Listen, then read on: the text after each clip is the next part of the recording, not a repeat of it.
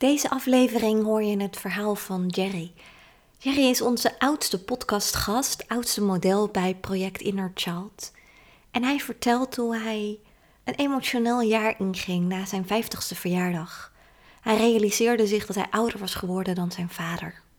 Er gebeurde het een en ander in zijn gezinsleven, wat hem ook confronteerde met zichzelf, maar ook met de vluchtigheid van het leven. Hij ging op zoek naar zichzelf.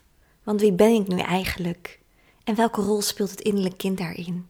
In deze podcast reflecteert Jerry op een hele eerlijke manier op het pad wat hij aan het bewandelen is en de inzichten die hij daarbij opdoet. Welkom bij de podcast van het project Inner Child. Een project waarbij de gezichten en verhalen van bekende en onbekende Nederlanders letterlijk en figuurlijk in beeld worden gebracht. Mijn naam is Sabrina Souban. Samen met André Sprong neem ik je mee in de wonderenwereld van het innerlijke kind. Tijdens een expositie in mei en juni 2023 in Amsterdam laat André met sprekende foto's zien hoe in ieder van ons nog altijd een kind aanwezig is. Deze podcastserie biedt verdieping bij de prachtige portretten. Met de geportretteerden ga ik in gesprek over hun jeugd, innerlijk kind en levenslessen. Daarnaast neem ik je alleen of met andere experts mee in de achtergrond van het innerlijk kind.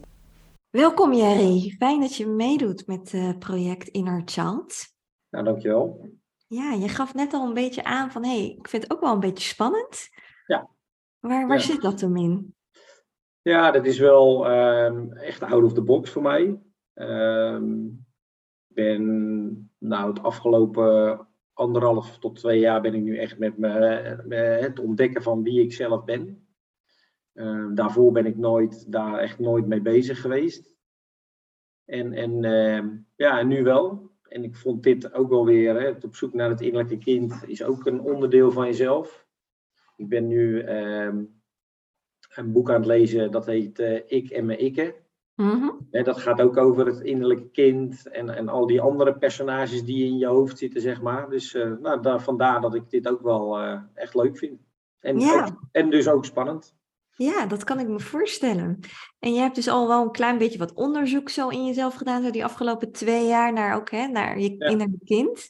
Ja. Wat, wat heb je ontdekt over je innerlijk kind? Ehm, ja, wat heb ik ontdekt? Ehm, laat ik vooropstellen, ik ben, eh, ik ben zeg maar de oudste van eh, samen met mijn broer.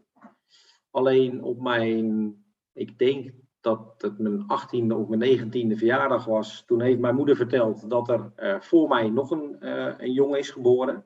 Mhm. Die is alleen eh, doodgeboren. Ehm, en mijn vader was toen op dat moment al een jaar overleden. Dus ik kwam er dus eigenlijk achter dat ik gewoon de tweede was. Ja. En, en dat vond ik op dat moment heb ik dat, ja, weet je, ik heb het een soort geabsorbeerd, gewoon eh, tot me genomen en niks mee gedaan. Ehm, tot het moment dat ehm, eh, mijn zoon twee jaar terug een diploma-uitreiking had van zijn, eh, van zijn middelbare school. Mhm. En toen gingen er bij mij allemaal alarmbellen af. Want ehm, hij zei van ja, papa, je hoeft er niet bij te zijn. weet je, ik ga met mijn vrienden en daarna gaan we, gaan we stappen. En, eh, dus eh, nee, je hoeft niet te komen. Alleen toen ik 18 was, toen is mijn vader overleden. En dat was precies ook in het jaar dat mijn diploma-uitreiking was eh, op de MTS. Ja. Dus mijn vader kon daar niet bij zijn. En toen is er bij mij ja, een soort kortsluiting gekomen. Daar heb ik best behoorlijk last van gehad. Ja, en toen ben ik echt met mezelf aan de gang gegaan. Hé, wat, wat, wat, wat gebeurt hier nu, weet je? En ehm, nou, toen kwam ik dus ook weer terug ehm, het verhaal van, hè, nou ja, je hebt een, eigenlijk een oudere broer.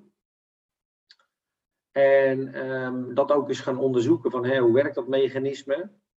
Maar ook tussen mij en mijn moeder. Mijn moeder is altijd heel erg beschermend geweest. Ook behoorlijk dominant. Maar heel erg beschermend. En ja, dat hebben wij dus nooit goed kunnen begrijpen waarom zij dat deed. Totdat uh, die 19e jaar, verjaardag. Toen kwam in, uh, in één keer dat naar voren. En nu, achteraf, besef ik, maar ja, zij heeft mij en mijn broer voor alles willen beschermen. Dus Ja. wij zijn heel erg nou, uh, beklemmend opgevoed. Ehm, en, en ja, en, en wat, ik, wat ik ook jammer vind, is dat ehm, het eigenlijk een soort eh, geheim was, wat bij ons in huis leefde. Mijn vader heeft daar dus nooit over gepraat. Nee. Ook niet met ons, met Nee. mij en mijn broer. Dus wij hebben daar nooit met hem over kunnen praten van, joh, en hoe is dat voor jou, weet je wel? En ehm, dus, dus, dat, eh, dus dat al die kwartjes en die puzzelstukjes, die kwamen allemaal bij elkaar. Dus dat? Ja, jeetje, wat een verhaal. Ja, Ja, ja, dat kwam in één keer zo allemaal samen. En dan ga Ja. je in jezelf duiken, hè? Ga je reflecteren op je leven, ga je terugkijken. Wat, wat heeft mij eigenlijk allemaal gevormd? Wat heeft impact gehad? ja, zeker. Ja, en toen kwam je dus ook uit bij je innerlijk kind. Ja, die, die heb ik nog niet eh, helemaal uitgepuzzeld en uitgekoud. Daar moet ik eigenlijk nog wel mee, echt mee gaan starten. Maar ik heb er al wel veel over gelezen en over gehoord. Maar ik wil daar nog wel echt wel wat mee gaan doen. Ja, want wat betekent het begrip innerlijk kind voor jou? Ehm, voor mij is het nu het kind wat ehm, ja, heel beschermd is opgevoed. En eigenlijk niet, eh, niet zijn ding kon doen die hij graag wilde doen. Daar ben ik altijd heel erg beperkt in geweest. Als ik leuke dingen wilde doen met, eh, met mijn vriendjes, eh, met varen op het water, met boten, dan was het nee, nee, nee, dat is veel te gevaarlijk en je kan verdrinken. En, en toen, ja, ik werd gewoon boos op mijn moeder. Hè? Je werd gewoon boos van waarom mag iedereen wel en ik niet. Ja, Maar ja, nu besef ik wat ze gedaan heeft. Ze heeft me gewoon willen beschermen tegen die grote boze buitenwereld. ja, En dat heeft ze tot echt in het extreme gedaan. Ook met, eh, met vriendinnetjes. Van nou, dat was, eh, die, dat, de keuringsdienst was er echt niks bij. Oh ja, was Die dat werden- zo'n... Die eh, werden gewoon echt letterlijk afgefi- afgefileerd. Oeh, heftig. Ja, want zij had zoiets, ja, niet, eh, niet aan mijn jongen komen. Ja, En, en waar wij, ja, wij deden daar, ja, mijn broer zeker, dat was helemaal een rebel. Die was echt een Mhm. rebel. En die had er echt maling aan. Maar ik was dat niet. En, ehm, dus ik liet het me ook gewoon gebeuren. ja, En dan kwam die dominante moeder, die zeg maar, eh, ja, mij gewoon echt gewoon klein hield. Mm, Dus dat, dat innerlijke kind, ja, dat heeft nooit echt kunnen, kunnen ontpoppen tot een, een blij, vrolijk spelend kind. nee. Nee, heb je met jouw moeder hier wel eens over gesproken? Ehm, nou, nu heeft dat geen nut meer, want ze is nu aan het dementeren. En ook omdat ik nu pas eh, dit allemaal aan het doordenken ben, Ja, ehm, heeft het bij mij nu een plekje gekregen. Alleen ik kan met haar daar niet meer over praten. nee. Dus dat is heel ingewikkeld. En, ehm, maar goed, ik heb ook bijvoorbeeld een, systeem eh, of een eh, familieopstelling gedaan om dit ook eh, eens even vorm te geven. Ja, Dus op die manier ben ik er wel mee bezig geweest. Ehm, maar nee, ja, dat, dat vind ik wel jammer. En ook, ik heb wel eens geprobeerd, hè, ook, ook over mijn, eh, mijn, broertje, mijn broer voor me te praten. Van ja, hoe zou die heten? En ja, nou, gingen de rolluiken dicht en dat was eh, allemaal te moeilijk en te zwaar en te beladen. mm, Nou, dus daar, daar was geen gesprek mogelijk. Daar wilde mijn moeder ook niet over praten. nee. En mijn moeder is eh, eigenlijk ook na de dood van mijn vader, is zij in een soort eh, ja, verdrietstand geschoten, zeg ik maar even. En mijn vader nam er altijd mee en we gaan hierheen, we gaan daarheen, naar verjaardagen, feesten, partijen, op vakantie. En toen mijn vader overleed, nou, toen heeft mijn moeder eigenlijk de rolluiken dicht gedaan. Ja, En eh, nou ja, ehm, hij is nu 38 jaar dood. Dus hij heeft 38 jaar is, eh, ehm, gewoon, ehm, gewoon in rouw geleefd. ja, jeetje. Ja, En, en in, terwijl die rouw er bij haar was, was daarnaast ook nog steeds dat beschermende richting jou er? nee, wij waren toen wel een stukje ouder natuurlijk. Dus, ehm, en op een gegeven moment gingen wij ook gewoon het huis uit. Ik was Ja. 25, toen ging ik weg. Ja, En ehm, dus ja, dat beschermen dat ging er wel van af. Maar ja, ze werd gewoon ook zuur en gewoon echt eh, heel erg, ja, helemaal in zichzelf en, en iedereen wegsturen. En... Dus ja, dat was wel, eh, voor haar echt zonde. Weet je, dat, dat had, het, het leven had nog zoveel mooier voor haar kunnen zijn. Ja, ja er waren nog zoveel jaren. Er waren ja. nog zoveel jaren. En ehm, wat, ik, wat ik wel heel verdrietig vind, is dat zij zat heel erg in haar rouw. Hm? Maar zij was voor ons niet emotioneel aanwezig. Van joh, hoe is het met jullie jongens? Hoe gaat het op school? Eh, hè, hoe voelen jullie je nu dat papa er niet meer is? Zij zat helemaal in haar eigen rouw en haar eigen verwerkingsproces. En Dus jij moest ook die periode zelf helemaal dragen. Hè? Je eigen ja, verdriet ja. en eigen rouwproces. Ja. dat heb- en eh, ja, ehm, afgelopen jaar ben ik 50 geworden. Dus ik ben nu ouder dan mijn vader. ja. Dus dat was vorig jaar ook een heel emotioneel jaar. Van ja, ehm, mijn vader overleed tussen kerst en oud en nieuw. Mhm. Dus dat kwam ook allemaal samen. En ik ben ouder dan mijn vader geworden. Dus dat is eh, ook een hele, hele heftige. kwam ook heel heftig binnen, zeg maar. Ja. Ja, dat is nog eens een besef. Er, ko- dus, er komen dan wel heel veel dingen bij jou samen, zeg. Ja, heel veel. Ja. Ja, ja. zeker. Ik kan me voorstellen dat het best wel een intense periode is. Ja. Welke rol speelt dat overlijden van jouw broertje nu nog voor jou in je leven? Ehm, eh, nu niet zoveel. Maar ik vind het wel absoluut gemiste kans dat dit als een soort geheim in onze eh, familie is geweest. En dat daar niet gewoon open over gepraat kan worden. Dus blijkbaar heeft mijn vader ook heel veel verdriet daarvan gehad. Wat hij nooit heeft kunnen delen, ook niet met ons. En nee. blijkbaar dus ook niet met mijn moeder.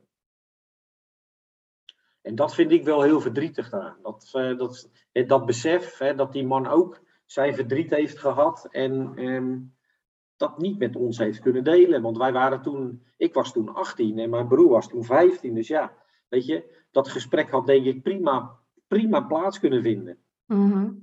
Maar dat is gewoon niet gebeurd. En dat vind ik, vind ik dus, dus zeg je van ja, heeft je broertje nog een, of je broer nog een plek? Nou ja, ik, in, in, in, in geest of in spirit zeg maar, weet ik dat, dat die energie er is. Ja, Maar het, ja, voor de rest niet. nee. Nee. Nee, ja, best wel veel meegemaakt zo, hè, in, in, in je jonge jaren. Zeker, Ja. zeker.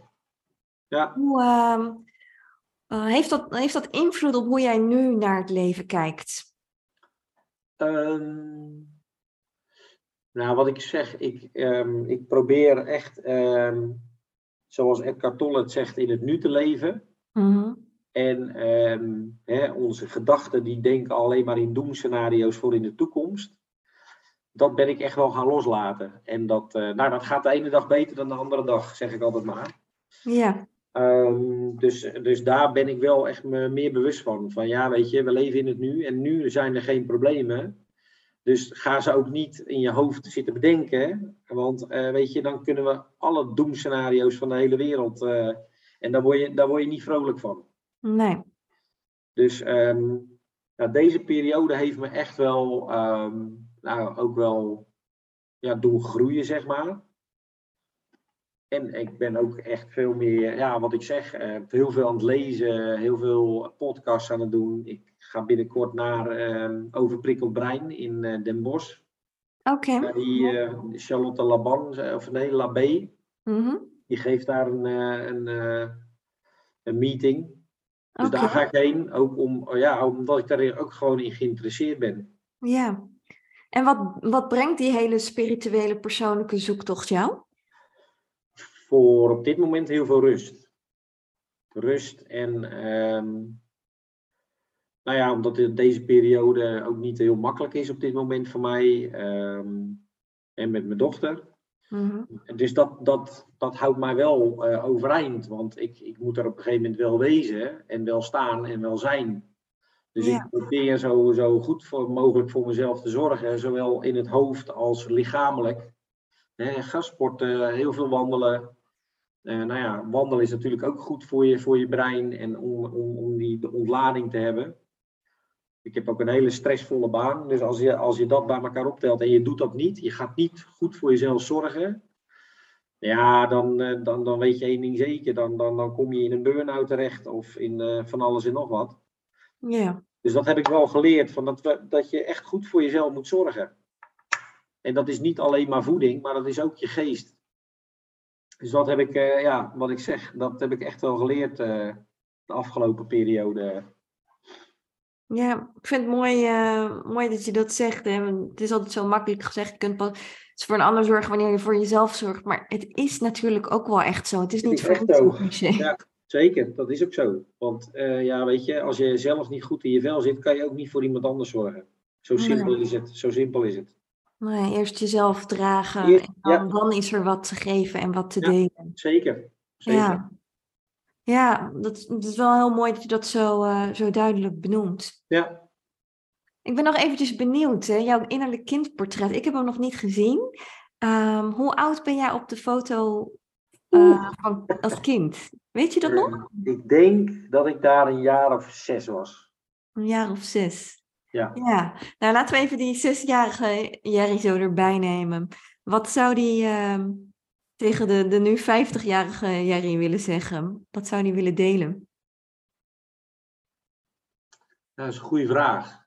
Goede vraag. Heb ik ook wel eens vaker over nagedacht.